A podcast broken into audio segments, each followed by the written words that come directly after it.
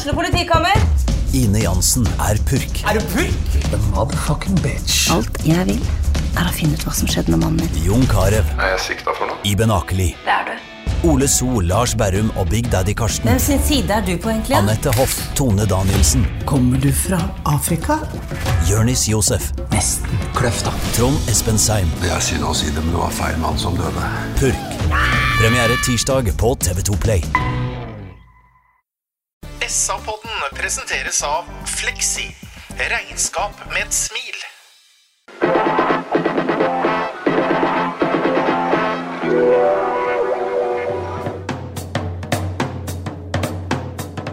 Sarpsborg Arbeiderblad gir deg en ny episode av SA-podden med Sven René Nygård, Øystein Weber, Petter Kalnes og Bjørn Inge Bingen Nilsen. Hallo og hjertelig velkommen til nok en utgave av SR-podden. Her sitter Øystein Weberg som den reneste Drillo. Kortvokst, kunnskapsrik og litt snål. Hei, Øystein. Hei, Petter. Vi har Sven René Nygaard med en vinnerskalle på linje med en blanding av Tom Nordli og Åge Hareide. Hei. Hei, Petter. Og ikke minst Bingen. Høy, karismatisk, brun som den reneste Jørgen Klopp. Morgen, Bjørn Inge. Morgen. Jeg heter fortsatt Petter Karnes. Jeg er eh, vaktmester og materialforvalter i dette laget.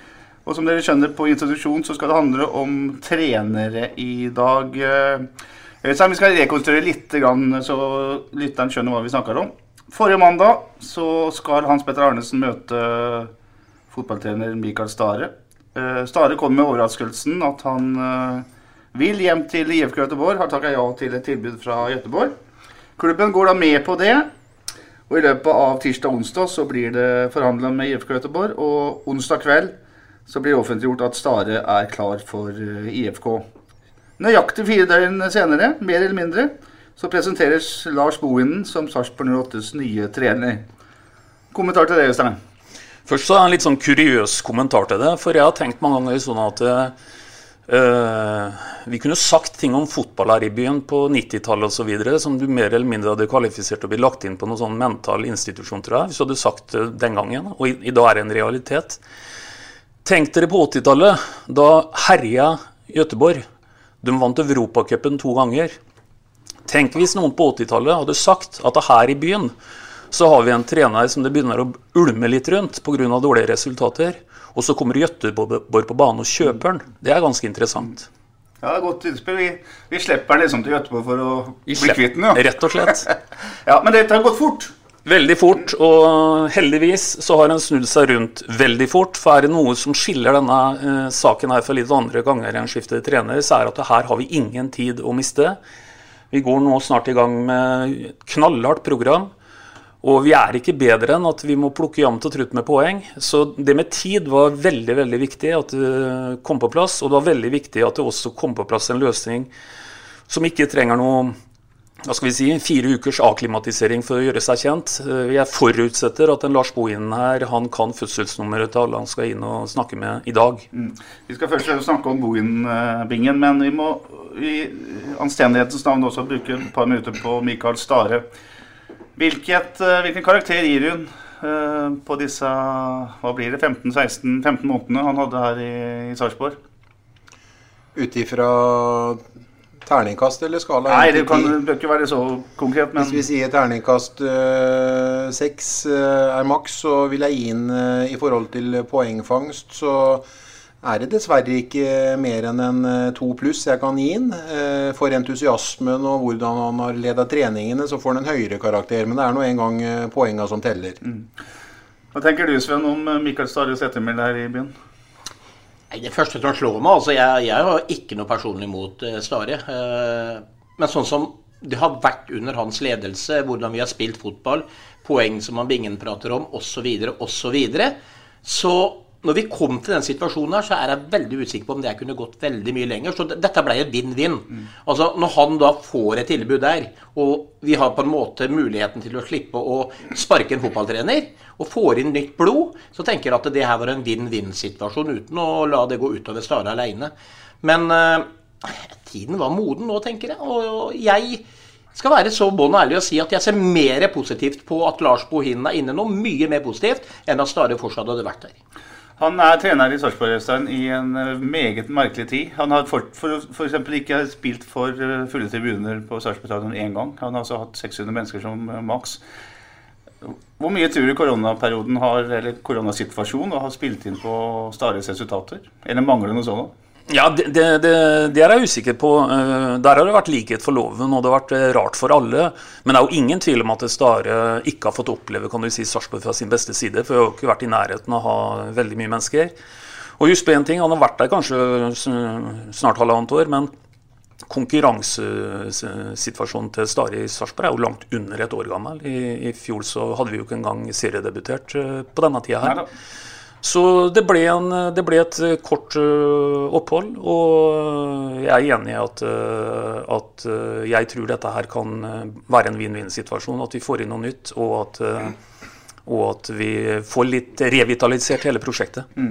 Av vi fire som sitter her i poden, eh, Bingen, så er det du og jeg som ser klart mest eh, treninger. Og jeg er enig med deg at Stara jeg syns han er god på trening. Jeg syns han har fine økter, jeg syns det er bra tempo, intensitet osv. osv. Og så har han ikke fått ut i match. Uh, skyldes det spillermannskapet, eller er det Stare som ikke får ut nok av det mannskapet han har tilgjengelig? Han har jo han klarte jo liksom ikke å kombinere to ting. Han klarte ikke å kombinere det, offensive, eller det defensive med det offensive. Det ble jo veldig baktungt, og vi skårte for lite mål under Stare. Om det skyldes materialet, det er jo egentlig Det får vi, jo, det får vi svar på nå. Om eh, det har, eh, har med materialet å gjøre når Lars Bohin kommer innover. Det er jo en mer fremoverlent trener som ønsker å ja, han begynner sikkert med Forsvaret, som Stare også ga et intervju med til SA og sa at jeg vil bestandig starte med Forsvaret. Og det er jo logisk at du skal gjøre det, men for det så kan du være litt mer fremoverlent. Og det velger jeg. Det var Lars Bohin som trener, og det velger jeg også å tro når du tar uh, Ålesund sitt opprykk takt i betraktning. Altså Vi kan ikke bare tenke på at han, har, uh, at han rykka ned med Ålesund. Han gjorde en fantastisk jobb og fikk utrolig mange seirer i opprykkssesongen i, i 2019. Og de skårte voldsomt mye mål. Så jeg håper at han kan eh, forvandle laget vårt også til litt mer offensivt. Om mannskapet eh, holder, er eh, Bohinen sin oppgave å bevise om at enten gjøre det eller ikke. Vi kan ikke begynne å bytte noen flere trenere i år. For enten så går det med Bohinen, eller så går det ned med Bohinen. Mm, mm. Allerede på søndag kommer Brann til, til Sarpsborg. Siste ord om Stare, Øystein. Man får en kompensasjon fra IFK Göteborg. Hans Petter Arnesen sier til oss eh, at det er ikke nærheten av en eh, årslønn. Eh, nå vet ikke vi hva, hva Stare trener, men, tjener, men syns det er greit å slippe en trener midt i sesongen for en forholdsvis beskjeden sum? Ja, Sånn som det ble nå, så tror jeg det. Og, og hva sluttsummen er, det kan vi jo bare spekulere i. Eh, vi har vel bytta litt penger her nå, da, gitt noe for Bohinen her. Han skal jo ha en lønn, og, og fått noe for Stare. Så forhåpentligvis så, så eh, kommer vi nok ut av dette her økonomisk trygt på bena. Så det er vel det å si om det. Mm. Det er jo én ting til som beviser at det her kom jo veldig beleilig. Fordi at uh, styret i 08 behøvde jo ikke lang tid på å legge seg på ryggen og si vær så god til invitten fra IFK Göteborg. Og det var jo ikke noe forlik som måtte til med Haugesund og Rosenborg i, i minnet, med både Horneland og Embeland, og hvordan det pågikk, og hvordan det ble sverta i pressen, og hvor uh, dårlig det bygde omdømmet, Så gikk det jo egentlig ganske smooth her. så det betyr nok ikke at de bare tenker på menneskets Stare. De tenkte, nok, tenkte nok også veldig på framtida til, til 08, så det er ikke noe tvil om at jeg kom beleilig. Samme om Hans Petter er veldig politisk korrekt i avisa, så var det her en god løsning. Hvordan er det, Sven, du har vært med på det, å få en ny trener midt i sesongen? I gamle, gode SFK så var det en eh, nesten årlig foreteelse en periode.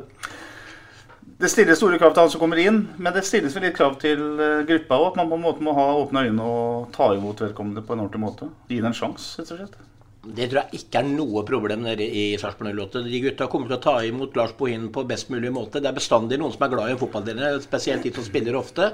Så er det de som ikke kommer med, som da blir glad for nye muligheter. Eh, jeg tror Lars Bohinen er en eh, fantastisk fyr. En fyr som også spillerne kan slå ring om. Eh, og jeg hørte hva Bingen sa i stad i forhold til dette her med Stare, at de ikke klarer å kombinere to ting. Eh, Jeg tror han kunne klart å kombinere det, men jeg tror rett og slett at han er så striks at spillesystemet har rett og slett Altså, Bohinen har spilt et system her. Jeg så Ålesund i nedrykkssesongen også. Der slapp de inn mål i hytt og pine, men han skapte en haug med målsjanser for også. Og jeg er helt sikker på at det, det mannskapet som Bohinen har å trylle med der nede i 08 i dag, er betraktelig mye bedre enn det Ålesund-mannskapet som han måtte eh, stå i med, med Ålesund. Så jeg står fortsatt på det. At dere Sett mange kamper da vi mister ballen offensivt. Så ser du vingbekkene våre. De, de snur ræva til ballen og har full spurt igjen for å legge seg en femmer. Altså, Jeg kan godt tenke meg at Bohin tenker at eh, ok, mister vi den, så skal vi vinne høyere opp igjen. Og vi står igjen med gutta litt høyere oppe i banen. Og så erobrer vi den igjen, og så får vi muligheter. Og at gutta nå får lov til å stikke av gårde på noen løp og være kreative. Og ikke bare ligge i ramme, ramme, ramme og tight, tight, tight. Vi skal komme tilbake til eh, spillesystemet osv. etterpå, men vi skal fortsatt holde oss til prosessen her. for Hvis vi skrur klokka tilbake til eh, onsdag klokka 21, så presenteres altså Stare som IFK-trener på IFK Göteborgs eh, hjemmeside. Og da må man kaste seg rundt, som det heter, Øystein. Eh, fire dager etterpå så er Bohin presentert for, som Sarpsborg 8-trener. Og så forteller Bohin i går på pressekonferansen, eh, eh, eller på søndag, at eh, Jeg ringte til han Thomas her, skjønner du. Det, er en meget spesiell situasjon, spør du meg. Ja, her kan iallfall ikke Thomas Berntsen si at han trengte oss å ha et sånn veldig overoppsyn med alt mulig. I hvert fall ikke når det gjaldt Bohinen, for Bohinen meldte seg til tjeneste. Det er noe veldig tydelig på, på sjøl. Han legger jo også til at sånn må det være. Såpass på høyre må han være. Eh, men eh, ja, jeg vet ikke om eh, jeg vet ikke, altså En kan i hvert fall ikke si at det var veldig komplisert å finne Bohinen. i hvert fall, For det, den, slepp, den katta slipper Bohinen enkelt ut av sekken sjøl med å si at han var på tråden allerede på onsdag til Thomas Berntsen og tilbød sine tjenester. Men han viser jo at han har veldig lyst på jobben, da, Bingen, og det må jo være positivt for Sarpsborg 08? Det syns jeg er veldig positivt for Sarpsborg 08. Og jeg syns egentlig Da tok han en managerrolle på trening, men eh, jeg syns det var noe forløsende over treninga i det allerede. Bare tilstedeværelsen. Og var det eh, Edlund og Morientes eh, som eh, hadde treninga. Edlund i særdeleshet. Ikke Morientes. Federico Morais heter han. Morais, ja. Portugiseren, da. Og Edlund var eh, veldig god på trening, og jeg syns eh, laget responderte bare på at Bohi- Bohin hadde en tilstedeværelse i dag som eh, Jeg så tingen av enkeltspillere i dag som jeg eh, ikke har sett så mye. Det var faktisk veldig gledelig at eh, Fardal Opseth var på treningsfeltet i dag. Det samme var eh, gullklumpen din fra Gaute Vetti, fra Bergen. Og dem var med på øvelser. Fardal Opseth noe mer. Har et fantastisk flott venstreben, og han gleder jeg meg virkelig til å ha på trening. Ellers så er det er det trist å se Rashad. Jeg trodde han skulle liksom få en ny dag og en ny start på trening i dag, men eh, han eh, trøbler med mottak, medtak, tempo, lugger litt her og har litt skader der og er ikke interessert og kommuniserer dårlig med kroppsspråket sitt. Så det der er, eh, det er noe som ikke stemmer i hele tatt for personen. Det har i hvert fall ikke noe med Lars Bohin å gjøre, det er vi ser på trening i dag. Det er én mann. Nei, det er klart altså, Kroppsspråket kunne han jo håpe at han hadde forbedra i løpet av en sånn en forlenga ferie. Men ballmottaket det, det er nok, skal nok lengre tid til for å bli veldig mye bedre. Så, det, ja, unnskyld, det var en ting eh, du spurte om, Petter, i forhold til dette med å bytte trener. Den energiforløsninga som også det ofte har. Hvis Bingen i dag syns han så en spillergruppe som responderte, bare at Lars Bohinen satt der. Det gjør jo noe med oss mennesker. ikke sant? Noen vil vise seg mer frem, og noen har gått litt lei osv. Så, videre, og så, videre. så det er jo ofte sånn i fotballen også. Når man bytter trenere etter at du har fått fem tap på rad, så vinner du den sjette kampen. ikke sant? Det skjer noe med, med menneskene utpå der. Og, og de, den håper jeg virkelig også kommer litt i 08. Nå vant jo vi sist òg, men, men det at de på en måte responderer litt på det For nå er det litt blanke ark for mange nye spillere. Alle kan være med å bidra. Lars Bohinen kan se en Felix, eller hva faen de heter for noe, hele gjengen der nede. Altså, de, de ser at dere ser at her kan jeg spille meg inn på laget. Og sånne ting har selvfølgelig mye å si i en spillergruppe. Mm. Helt enig. Så at det smalt eh, Helt enig med Biggen som eh, var på samme TV som meg. Det smalt litt. Joakim Thomassen og Eirik Viknes smelte i hverandre et par ganger der. Eh, det var taklinger, det var en, del mål. Eh, Så en Mendy som hadde ball mye, som, som selvfølgelig kan få en ny nivå. Ja. Nå er det Felix, så er jo han opptatt av landslags... Ja da, ja da, men jeg bare tok et Ja, navn ja i da. løse lufta. Gutter som ikke har spilt noe særlig. Ikke Så det er muligheter for, Ja, for ja, mange her, eh, absolutt. Men eh, valget faller altså på Lars Bohin. Men eh, hvor mange er med i et uh, race der på onsdagskvelden? Hvor mange kandidater har egentlig Berntsen å velge mellom? Altså, Jeg tenkte umiddelbart at der kommer de til å gå all in for en intern løsning. Eh, det, det trodde jeg. Eh, rett og slett av et par faktorer. Først og fremst tid. Eh, og jeg tenkte at her er tidsfaktoren. Den trumfer veldig mye annet her nå. Så jeg så for meg at den kom til å velge, velge en seksmånederskontrakt med en intern løsning. Eh, nei, også, Det har jo da åpenbart ikke, ikke blitt valgt, med mindre ikke noen har fått en forespørsel og, og takka nei. Jeg kan ikke svare det ene eller andre på det. Nei, jeg tror ikke det er veldig mange som har med uh, i dette racet. Og det er egentlig også en av litt sånn, kall det fotballens iboende uh, pussigheter, egentlig. altså. For her har vi en gjeng med folk som egentlig i prinsippet har lik utdannelse. Og så kommer den samme lista med kandidater hver gang det oppstår en sånn en situasjon. Og nå sa han jo tidlig at han ikke ønska å kjøpe noen fri fra eh, Altså som hadde, hadde jobb. Eh, Det er mulig det, altså, men måtte det til, så måtte det til. Da hadde en gjort det også. Eh, Naturligvis hadde en gjort det. For her er det én ting som har hovedfokus, og det er å berge kontrakta i 2021. Men det, er, men det er rart det der med å se Jeg har sett på sosiale medier, de lagde noen tråder i går hvor de spekulerte i hvem er det som kommer. Og det var kanskje maks tre navn som gikk igjen i de forskjellige kommentarene der. Så der eh, er det de samme navnene hver gang som dukker opp, egentlig. Ja, for Hvis vi skal ta premisset om at de eh, ikke skal kjøpe fri en trener, eh, og stole på det, så er jo snevrer det inn veldig. Og så er det også sånn at koronasituasjonen har en betydning med tanke på utlendinger. Hvor lang tid man, må man sitte i karantene for å trene fotballag, f.eks., før man kan begynne å trene fotballaget? Når du snakker om interne løsninger, så snakker du om først og fremst Erlend Johnsen og André Berglundmo. Det har ikke blitt kommentert fra klubben i hele tatt. Uh, eneste Thomas Berntsen har kommentert intern løsning, er at han har liksom, fleipa med at han er i hvert fall ikke aktuell sjøl, for vi hadde den på en liste, vi. Han er jo fotballtrener. Bingen eh, viser dette her at verken Johnsen eller Berglundmo på en måte eh, er, er i det feltet der i hele tatt? Eller, eller kan det være at de rett og slett ikke har ønska å bli trenere? Eh, Vi vet jo Berglundmo har vært interessert, men vi vet ikke hva Erlend Johnsen tenker. Jeg antar at der, eh, at der, eh, eller, Bjørge og Berntsen hadde klart å overtale en eventuelt Roar, en eventuelt Bergdølmo eller eventuelt Erland Johnsen, hvis de hadde ønska noen av dem som trenere. Så det var kandidater internt, men jeg antar at de valgte Lars Bohinen av en annen grunn. Og den lista kunne jo ikke være veldig stor. Den, visste at Lars Bohinen ringte selv på onsdag kveld og meldte i kandidatur, så må jo det ha gått veldig smooth. Du måtte ikke flytte mange stener for å presentere han klokka fire i går. Nei, det måtte ikke det. Eh, Hva tenker du om eh, eventuelle interne løsninger her, Sven? Jeg går jo ut ifra at eh, 08-styret og eh, Thomas Berntsen og alle de er såpass glad i klubben sin at det er, det er en grunn for at ikke noen av dem ble valgt. Eh, altså, Bergdølmo er jo Vi har snakka om at de har spilt eh, og vært kapteiner her og der og sånne ting, men det er noe annet å være trener i en ungdomsavdeling kontra det å gå opp og ta et eliteserielag. Erland har vært i Lillestrøm. Eh, rustne på toppnivå, selvfølgelig, de, selv om de gutta sikkert kan sin fotball, så regner jeg jo med som sagt at man tar den beste løsningen, hvor man mener muligheten er størst for at man skal prestere fremover, og det ble Lars Bohinen. Og da tenker jeg at den må vi, den må vi bare støtte opp om. Eh, og, og det må supporterne gjøre, ikke minst. Fordi Bohinen virker til å være en knakende flott fyr som på en måte også har spilt god fotball, og hadde Sandefjord første sesongen, hvor strålende går og tar over et uh, nedrykka Ålesund. Og dominerer og setter kanskje norgesrekord for alltid i Obos-ligaen. Og hadde det trøblete, så kan man snakke om mannskap osv. Men jeg tror dette her var en fantastisk løsning, og jeg regner med at det er en grunn til at de to interne, uansett om de var aktuelle eller ikke, det vet jeg ikke, men uh, jeg tror den løsningen med Bohinen er den beste.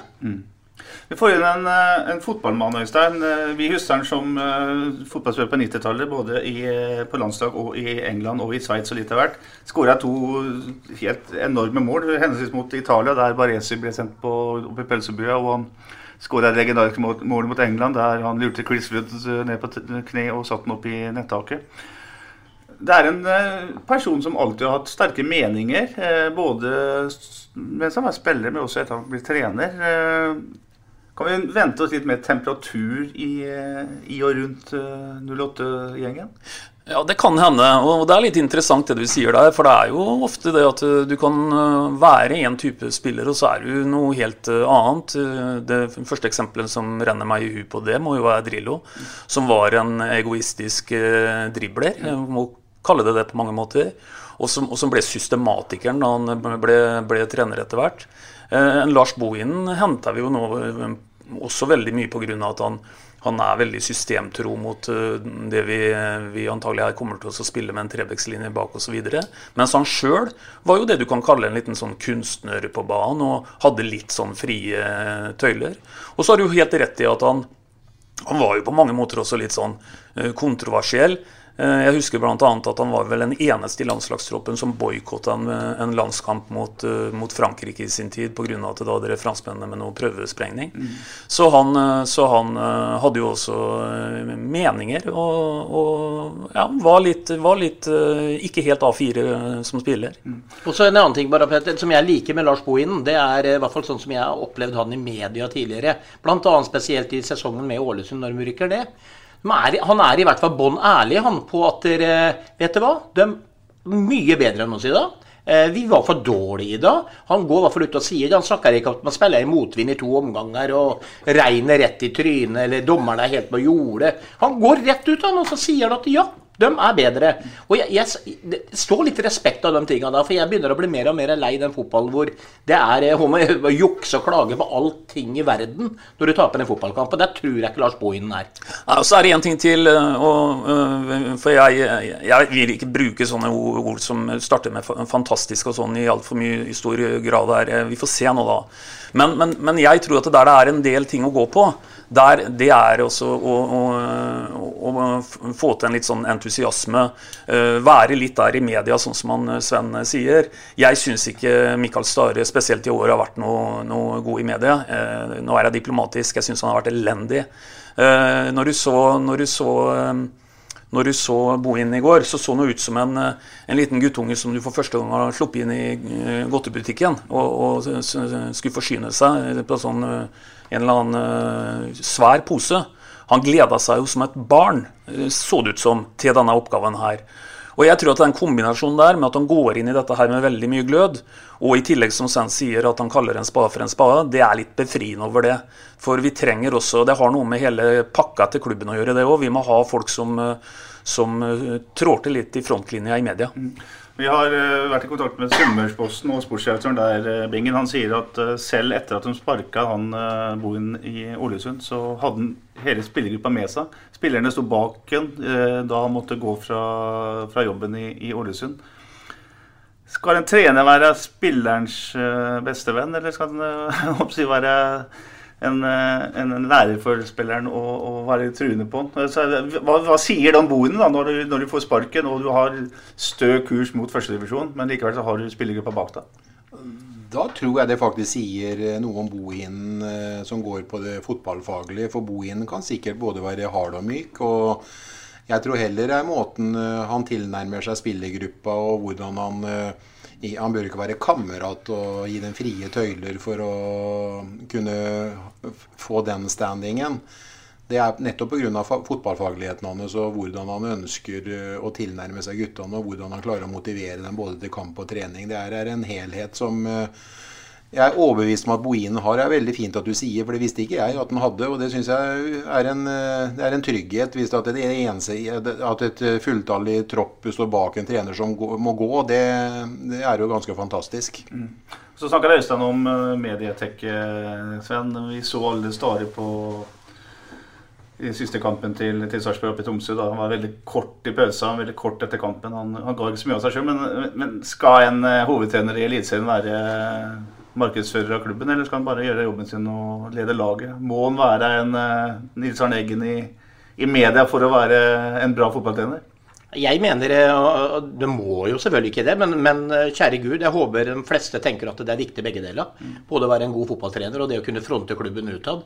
Et fotballag som 08, som slitt som pokker med å skåre mål, og supporterne hagler ut med kjedelig fotball, defensivt ditten og datten. Men i hvert fall prøve å fronte med dem en positivitet da, som gjør at, dere, at man, publikum, Nordland kanskje liksom, gleder seg litt til neste gang. da. Når du står der og sånn som jeg spurte han hvor er gleden, har det gøy, og så begynner han å le og mener du entusiasme, liksom. Helt grått de luxe. Og jeg så inn i to grå øyer. Eh, og det er klart at det hjelper jo ingen supportere. Og det er jo som du begynte hele podkasten med. Altså, klubben er jo avhengig av supporterne. Det er dem som står bak laget og støtter dem opp på all mulig måte. Så ha en trener som er god, og ha en trener som fronter, og som gjerne går ut og er litt irritert etterpå. Da viser du engasjement. Men du må også vise en form for glede. Og så har vi jo mange av de trenerne nå, så jeg syns mange er ganske grå da, generelt. Og det var jeg innpå litt tidligere òg. Og dette her i måte eh, Hvis du taper 3-1 og du har vært dårligst, så kommer en og snakker om en situasjon tidligere i kampen. Det, ikke ha sånne trenere. Og det tror ikke Lars Bohin er der, og takk Gud for det. Mm. Jeg er helt enig med deg at en moderne fotballtrener er en sammensatt rolle, men det å være i media og ha medietekke og være bra der er også en stor del av det.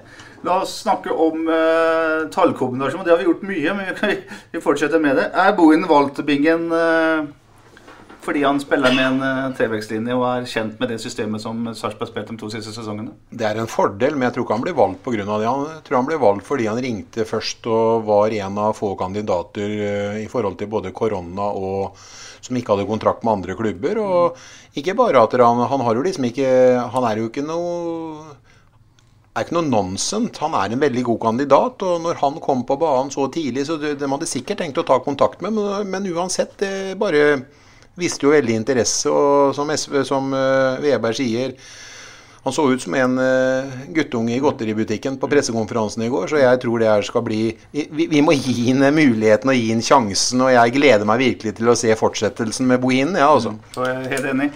3-4-3 er det foretrukne i Sarpsborg 08, Øystein, men Bohin har spilt 3-5-2. Da snakker vi om to spisser. Det har vi også vi etterlyst. Eh, det syns jeg hørtes spennende ut. Ja, det hørtes mer spennende ut i mitt hode enn 3-4-3, i hvert fall ut ifra sånn som vi har håndtert 3-4-3 sjøl. Så, så det, er en, det, er en, eh, nyanse der som jeg håper at, kan, eh, at, vi kan se utspille seg. Så det skal bli spennende å se hvordan han, hvordan han velger. Og som Bingen også sier, nå har vi forhåpentligvis Uh, sønnen til Lasse Opseth snart klar. Mm. Uh, vi husker jo fedrene bedre, Petter, av mm. sånn vi har snakka om. Uh, og da kan det hende at nettopp det med to på topp uh, mm. kan være noe som er noe vi skal satse på. Etter min mening en fødte makker til en type Kone. Veldig bra i mottak, flink til å skarve videre, som svensken sier. Bruker få touch. Han, Christian Fardal Opseth er meget spennende. Si litt om forskjellen, Sven. Litt fotballfaglig mellom 3-4-3 og 3-5-2. Altså tre framme og, og, to framme? Nei, altså Eller det er bare nyanser, selvfølgelig. Ja, det, det, er jo det. Og dette med fem på midten istedenfor tre på midten. Og så faller man ned, og så blir det fem bak. Og så det, det, blir jo veldig likt. Men det er klart, akkurat helt offensivt, da, så er det bare det med å ha to spisser. Ha to muligheter, ikke sant. Og dette med å gå i krigen for hverandre. Skape rom, alt dette her. Offensivt hvis man tør å stå litt høyt med en 3-5-2, så er jo det et veldig offensivt system. Og så er det jo selvfølgelig litt skummelt også, for hvis ikke de kantene våre gjør jobben og vi mister ball der, så vi jo, står vi jo igjen der nede. ikke sant? Så det kan være lett å kjøre overganger på og sånn. Men uh, veldig spennende med 3-5-2, og det er et system man kan vingle med litt fra kamp til kamp også. Eller, eller under kampen. Gjøre et bytte på slutten, sette inn en ny spiss gjøre om systemet litt der, sånn, så, så, er det selvfølgelig det spennende. Men eh, jeg, jeg, tror da, som Bingen sa, at de ikke har valgt den bare pga. systemet. Jeg tror det er også en stor del av det. For en fotballtrener som har holdt på med det systemet et par-tre år på rad, eh, kommer inn og tar over det samme, så er du allerede trygg på fundamentet på hvordan man skal spille. Og så er det også til det systemet Alt handler om spilletyper opp etter. Altså, Hvis ikke du har spisser i laget, så spiller du ikke med to. Og skal du ikke spille med én heller. ikke sånn? Så du må, han, Boine må jo finne ut om eh, indreløpere, vinger eh, Er de gode nok til det? Er de gode nok til det? Så må han kanskje lage litt ut av det også. Mm. David quiz, Øystein. Hvilket system spilte Drillo med i sitt første landskap mot Kamerun og vant 6-1 på Bislett?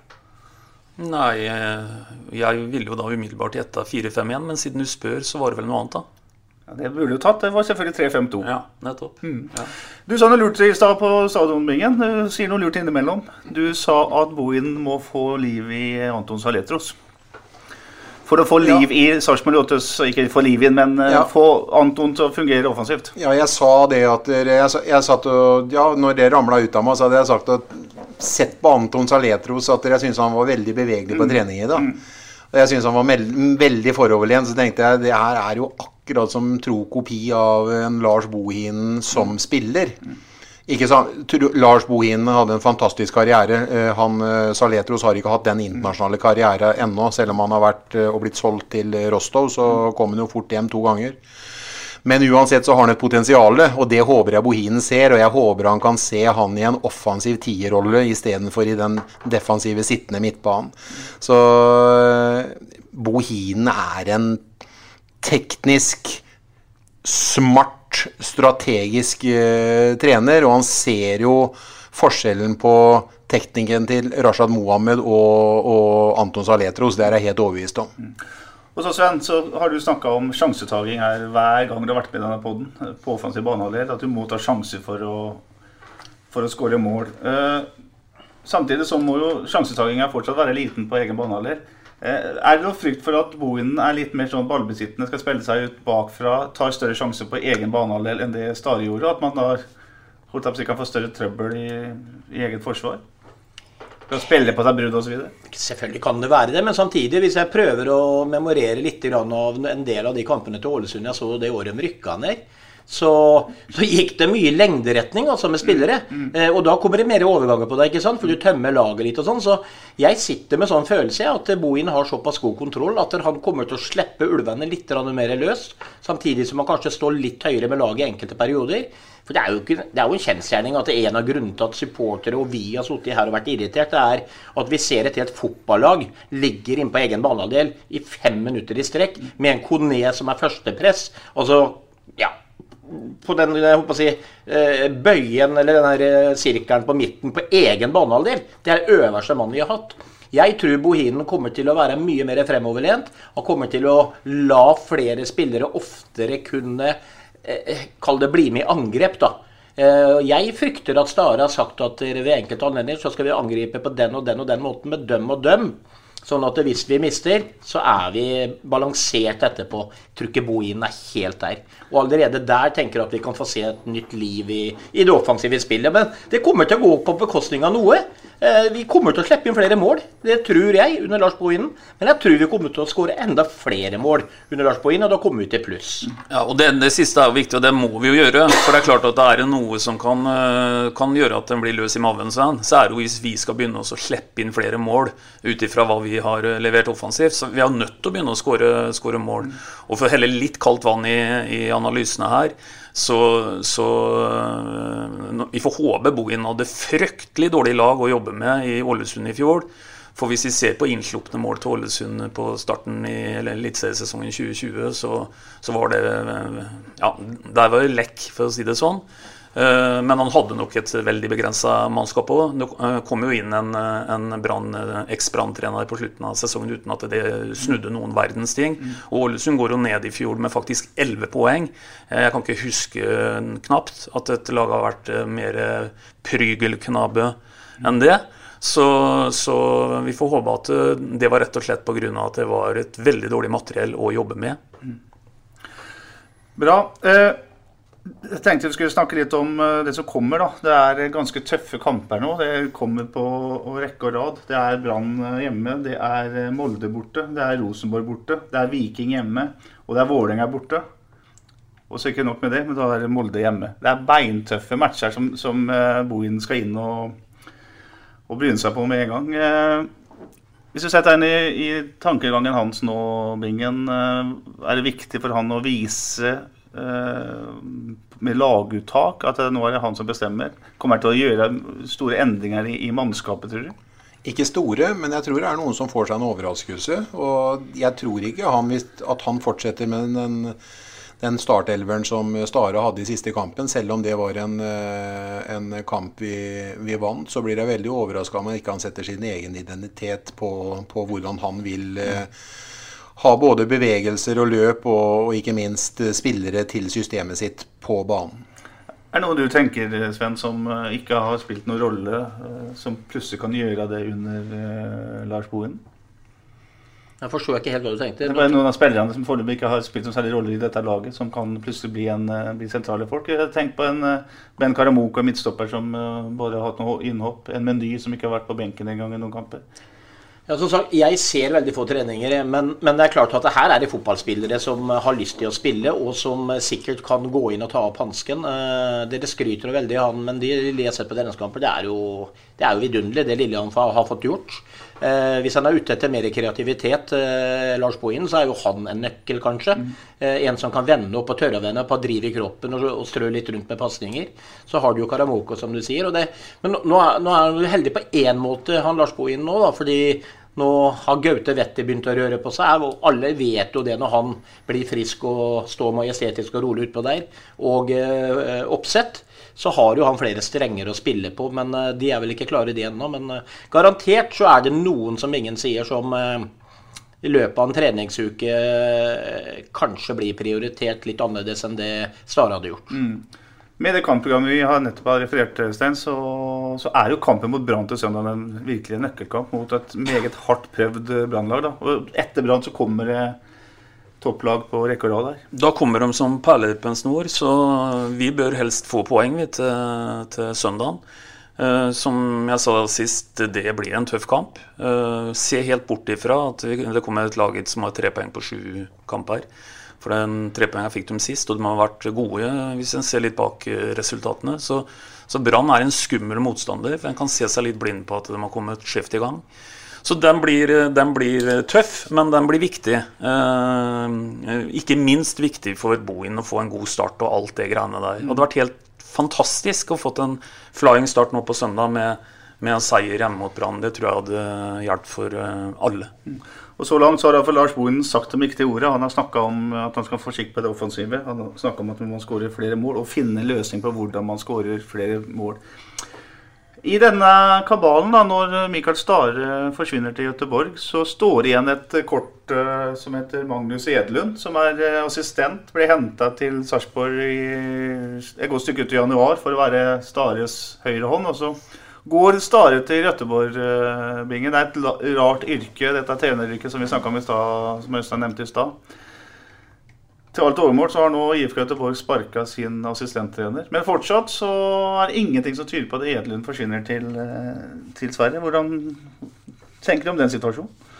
Ja, han sier vel det politisk korrekt til eh, SA i dag. Eh, jeg syns det er veldig rart hvis det ikke handler der. Det må være det han skal. Han kan ikke ha blitt så glad i byen og menneskene her og uteliv og naturen at han uh, velger å bli i Sarpsborg hvis at uh, Stare nå sier at jeg skal ha Edlund med meg så lenge de har sparka hjelpetrenerne. I tillegg til så er det jo dekka bord, tror jeg. Mm. Men jaggu er det vanskelig å være forutsigbar når du er fotballtrener? Ja, og da må en jo være forberedt på det uforutsigbare, da. Og til det Bingen sier her nå Eller jeg vil faktisk døpe om Bingen til podden svar på Julio Iglesias. Ser ut som sommerbrun og nydelig han er etter at han var ute på ja, det, ja, ja, ja. Nei, men Bingen har jo et poeng at det er naturlig at Edlund kanskje havner i Göteborg. Man må nesten få et jobbtilbud, da. Han kan ikke pakke ryggsekken sin og så reise ned uten et Reise til, Avenyen i Göteborg? Ikke noe... sant. Det er noe helt annet. Så, så, men, men, men, fotball er jo litt sånn Det er også en, en, en del av fotballen, dette her. Vi, vi beholdt jo en Tom Freddy Øvne et, kall et ekstra år når Bakke ga seg også, selv om, selv om Øvne da ikke kjente Stare når han kom. Så hva som blir her, det, det, det vet jeg ikke. Men, men at premissene for uh, Edelund har endra seg i forhold til når han kom, det kan det jo ikke være noe tvil om. For han kom jo helt åpenbart pga. at han hadde gammel, gammelt kjennskap til Stare. Mm. Når det er sagt, Bingen, så var det interessant å se på treninga der altså Lars Bohinen bare tar en sånn uh, ja, du kaller det en managerrolle. Han går rundt og snakker med spillere og, og, og smiler og er uh, hyggelig. Men det er jo et imponerende apparat som uh, gjennomfører den treninga der. Vi tar alt fra nevnte Edlund til Fredrico til uh, Kjetil Berge til Erik Holtan osv. Det er uh, litt av et apparat rundt ja, A-laget. Alle, alle, gjør jobben sin. han søker veldig mye informasjon hos Kjetil Berge, ser jeg, under treninga i dag. Uh, Holtan har keeperne, og Frederico og Edlund, Edlund i særdeleshet, kjører mer eller mindre Kjører, kjører hele treninga. Alle sekvenser, oppvarming, alt kjører Edlund uh, mer eller mindre, med litt, litt påfyll av Frederico. Og så var det observasjon som Han var jo, hadde jo på seg treningsklær, satt ikke på tribunen, sto ved sidelinja hele tiden. og Han var vel ikke aktiv, men han var faktisk aktiv med hadde litt prat med enkeltspillere underveis, faktisk, hele treninga. Og han må jo bli kjent med. Spurte Kjetil Berge om eh, de fleste. Og mange har nok helt sikkert eh, Han vet hvem Ole Jørgen er, han vet hvem, han vet hvem alle er, garantert. Ja, ja, ja. Norsk fotball er ikke større enn uh, det. Ellers så har vi nevnt at Grøftevetti var tilbake på trening. Kristian Fardal Opseth var tilbake på trening. Men samtidig så var det mye folk i styrkerommet òg som trener alternativt. Se på den backrekka her, Sven. Mikael Dyrestam, Sebastian Jarl, Bjørn Inge Utvik og Jørgen Horn var alle trener alternativt. Vet at Jørgen Horn er, er ute, men vi kan ikke ha så mye skade på forsvarsspillere til søndag. Nei da, det har vi ikke heller. Det, det, her er eh, just in case, garantert. Det er, eh, sånn er det i fotballen. Det er eh, Marcus Rashford kjenner noe, så har han to dager i styrkerommet før han går ut og spiller kampen igjen. Og Utvik vet vi jo har måttet bytte litt på slutten av kamper. Spiller sikkert med smerte. Og Dyresam har sikkert bare Det er jo blitt sånn i dagens fotballbedre. Det var jo ikke sånn før i tida. Men også hvis de merker noe i dag, så tar de det sikre. ikke sant? Det handler om penger og alt dette her. så jeg tenker at hele den gjengen, eh, minus eh, Jørgen Horn selvfølgelig, da de er klare. Ja, forresten veldig hyggelig å se at Jørgen Horn eh, holder på fortsatt. Det er, vi kan ta to ord om han òg. Snakk om å ha tålmodighet og være glad i fotball. Da. Ja, helt, helt, utrolig. Jeg tror vel kanskje at Jørgen Horn nærmer seg eh, Hva skal vi si? Og, eller nærmer seg, Han har sikkert vurdert det 100 ganger allerede. Er det verdt det? Eh, ikke sant? Du skal leve et liv etter fotballen nå. Der har det vært mye alvorlige skader. Men jeg er helt enig med deg. Det er, det er helt utrolig eh, stor respekt av det å å gå på'n igjen. Altså, med en lang, lang lang periode foran deg hvor du ikke skal spille fotball. Og så begynner jo gutten etter hvert å bli relativt voksen. Mm. Han sier jo faktisk at han gjør dette her også for at han skal ha et bra liv etterpå. At han skal være såpass helt bra fra skaden, så han kan eh, som han sier, leke med, med ungene sine også i, i framtida. Vi skal se inn i glasskula som vi pleier å gjøre. Vi skal se på Brannkampen. Hva vil du ha til søndagen, eh, Sven? Eh, jeg skjønner at du vil ha seier osv., men hvordan vil du at laget skal fremstå? Eh, først og fremst ekstrem aggressivitet. Eh, gjerne noen gule kort hvis det må komme, men ikke på draktdraing og sånn. Gå ut og fortell dem bergenserne at nå kommer det en klubb som har slitt litt, vi har fått ny trener, her skal det gjøre vondt. Det, det er det første jeg vil se.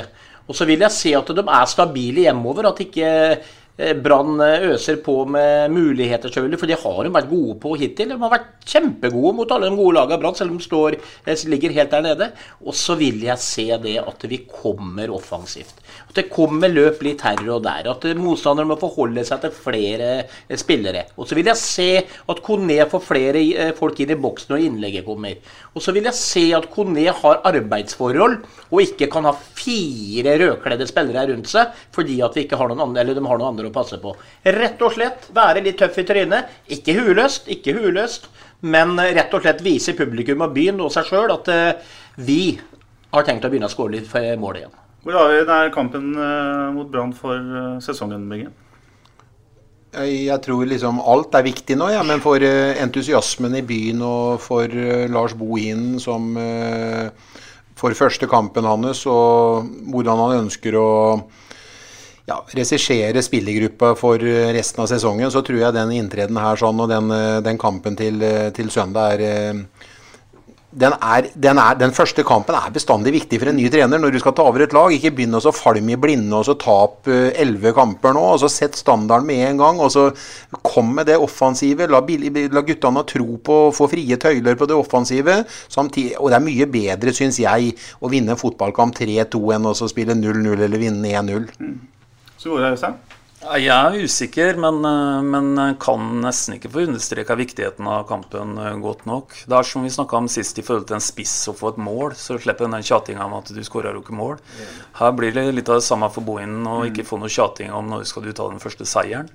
Så gjerne med én gang. Eh, og det er smakssak for så vidt det med resultat, og gjerne noe underholdende. men Men jeg tar en uh, superkjedelig 1-0-seier syv dager i uka. Mm. Det er utrolig viktig den fotballkampen som kommer på søndag klokka seks på Sarpsborg stadion. Men det er også en annen kald kamp som spilles i norsk fotball denne uka. Det går på hvorvidt Norge skal uh, ha en reaksjon overfor uh, Qatar når det gjelder uh, arrangementet av VM om to år. unnskyld, om ett år. Det er i desember neste år det skal gå. På torsdag så skal Sarpsborg 8 ha et ekstraordinært uh, årsmøte der medlemmene skal få si sin mening om dette her. Altså Kort fortalt for eller mot boikott. Og på søndag så er det ekstraordinært uh, forbundsting der norsk fotball skal si sitt. Jeg skal ikke be deg om uh, å, fortelle hva du syns, nødvendigvis, Øystein, men hva tenker du om prosessen og det at bredden nå, supporterne, grasrota, er med og tar en så viktig avgjørelse? Nei, Den syns jeg det er eh, helt umulig å kritisere, egentlig. For nå ser vi jo det som alle ser, at nå, nå blir dette avgjort på demokratisk vis. Eh, nå har en for så vidt eh, klubbstyrer som kommer med kan godt si en eller annen førende beslutning på det, men ikke mer førende enn at medlemmene står naturligvis helt fritt til å stemme. Og her er én stemme, én stemme, uavhengig om du heter det ene eller det andre. Så, så jeg syns det er helt umulig å, å, kritisere både den lokale prosessen og den sentrale prosessen, som etter hvert da blir det ekstraordinære tinget. Så dette er eh, håndtert eh, bra det er så langt. Og så blir det spennende å se hva folk eh, mener. Det har også kommet et uh, utspill fra et uh, bredt nedsatt uh, utvalg, ledet av Svein Mollekleiv, og med bl.a. Tom Høgli, han som egentlig sparka i gang hele boikottballen, som sitter i styret, og, eller i det utvalget. og som nå har gått inn for å ikke boikotte, men heller ha, ha dialog. Eh, Sven, eh, Øystein sier at en stemme er en stemme, men tror du de klubbene i Sarpsborg-distriktet som nå kan stemme for eller mot boikott, har tatt dette her alvorlig og, har dette her oppe på agendaen, eller er dette for fjernt for, eh, for, for klubbene i, i, byen vår, eller kommunen vår? Ja tror det er litt fjernt. Jeg, jeg skal være så ærlig å si at jeg sjøl har jo ikke satt meg veldig inn i ting. Jeg har hørt at det er dårlig menneskebehandling, mange er døde, liksom. Men jeg må ha liksom litt mer kjøtt på beinet, føler jeg, for å bare sitte her og være kategorisk på hva som er riktig og feil rundt det her. sånn. Og det vil jeg vel tro at det er mange andre tusen mennesker her i fotballklubber også, som på en måte har litt forhold til det. Vi har jo ikke sett bilder, vi har jo ikke hørt alle historier, alt dette her sånn. Så det er jo litt, litt sånn skummelt og, og, og, kategorisk bare å bestemme seg for at det er jo for svarte vi boikotter. Eh, og hvilke følger får det. Eh, så for meg er det vanskelig. Så jeg tror som du sier at eh, folk generelt på breddefotballen ikke har satt seg altfor mye inn i det. Og så er det noen som ler litt Øystein, når de sier at Norge skal boikotte ting, når vi ser hvordan landslaget fremstår nå.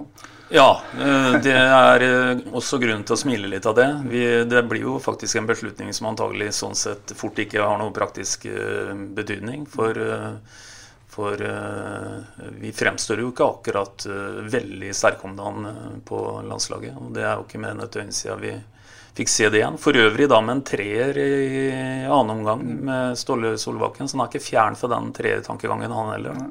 Du kan få si to ord om det du og Bingen, det, det landslaget vi ser der. Med et offensivt areal, eller arsenal som det heter, som er veldig heftig, men man får veldig lite ut av det. Ja, Solbakken har jo en jobb å gjøre. Han får jo ikke utnytta de offensive ferdighetene i laget. Og det defensive skorter. Vi slipper jo i mål mot uh, alle motstandere, så han sliter veldig. Jeg må ærlig innrømme at jeg syns det var så bånn tråkig i går. Ja. Så jeg satt og switcha litt mellom, uh, mellom golfen uh, på Eurosport 30 og, og, og landskampen. Men eh, jeg må jo si det at det er jo besynderlig å se hvordan f.eks. Martin Ødegaard og Haaland blekner, egentlig. Altså hele laget blekner. Og nå er ikke, nå er ikke Grekenland noe dårlig, dårlig fotballag, altså. Men eh, det her syns jeg er eh, besynderlig svakt, rett og slett. Ja, det ble noe bedre i annen omgang. Første gang var jo helt, helt, helt helt elendig. Uh, heldigvis litt bedring i annen omgang, men jeg er i hovedsak enig i dette. Det er, det er, langt opp og fram, for å si det sånn. Hvordan skal man få vekka Martin Ødegaard, altså? Nekten å spille pasninger til sida og bakover? Ja, altså, for meg så er Martin Ødegaard eh, Han spretter utpå der. Han har verdens beste ballemottak. Eh, titter opp, snur seg rundt og spiller på skrå tilbake til venstre eller til høyre. Eh, ballbesittelse, ballbesittelse, ballbesittelse. Utrolig kjedelig. Men da tenker jeg tilbake litt til det mentale igjen. Haaland. Altså, hva han har gjort? Han skåra i det 93. minutt på et dårlig forsvarsarbeid i forrige landskap. Så bestandig snakka om dette at en fotballspiller ikke lykkes her og der. og Da ser du hva medspillere har å si. Hvordan man spiller hverandre gode. Haaland nå, han blir pakka inn, men det gjør han jo i alle kamper han spiller. Og han spiller borte mot Paris Saint-Germain eller hva det er for noe, så blir selvfølgelig Haaland pakka inn. Men der kommer han seg jo fri, for der kommer passingene på løpet. Jeg så han stakk noen ganger i går òg, men nei. Altså, vi, vi bruker ikke han så Samhandling og selvtillit og alt dette her. Det, jeg, men jeg tror ikke Martin Ødegaard på spørsmålet ditt ikke bør vekkes. Jeg tror rett og slett at dere Per nå så er ikke han bedre enn det han viser utpå der. Og det, det, er han jo ikke. Og det må også litt av lagkameratene rundt ha skylda i. Poddens overtid. Vi registrerer noen ganger at folk syns vi er helt på bærtur her i podden. Andre ganger synes folk vi sier noe viktig og riktig. For noen er podden et irritasjonsmoment, for andre er det underholdning. Noen synes vi er altfor negative, allikevel får vi også tilbakemeldinger på at vi er for snille. Tilbakemeldingene på det vi sitter og prater om, er med andre ord ikke akkurat samstemte. Det er bra. Nå vil jeg gni det inn. Det er ikke et problem at vi er uenige om hvordan fotball skal spilles, eller hvordan en fotballklubb skal drives. Det kalles engasjement. Det betyr at folk bryr seg. Det er veldig naturlig at det er mange meninger om fotball. Fotball favner bredt. Dessuten finnes det svært få fasitsvar. Det er med andre ord flere veier til rom. Vi trenger det vi kan kalle litt friksjon.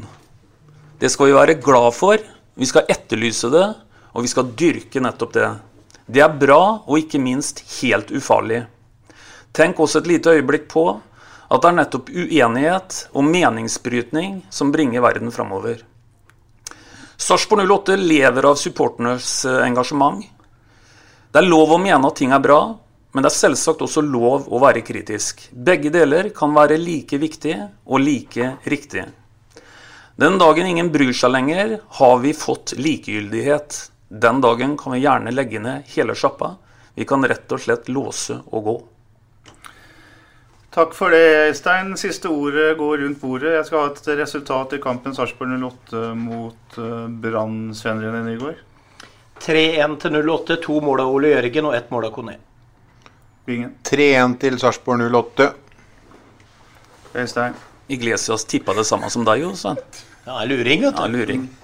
Jeg sier eh, det jeg sa, jeg da, med en 1-0-seier. Den kan gjerne komme i det Skåringen kan gjerne komme i det 92. minutt. Og den kan gjerne være heada inn av Utvik. Ja, det blir 4-0, og det blir Kone 2, det blir Halvorsen, og det blir eh, Dyrestam etter et hjørnespark. Er du fornøyd med det? Veldig. Ja. Da sier vi som eh, alltid, vi prekes igjen eh, etter matchen mot uh, Brann. Vi preker. Vi preker. Ha det bra. SA-podden presenteres av Fleksi. Regnskap med et smil. Ukens annonsør er HelloFresh. HelloFresh er verdens ledende matkasseleverandør og kan være redningen i en travel hverdag. Mange av oss har nok vandret i butikken både sultne og uten en plan for middagen, som ender med at vi går for de samme kjedelige rettene gang på gang. Middag burde være dagens høydepunkt. Som Hello Fresh kan du nå velge mellom 25 ulike retter hver eneste uke, eller få Hello Fresh til å sette sammen menyen for deg.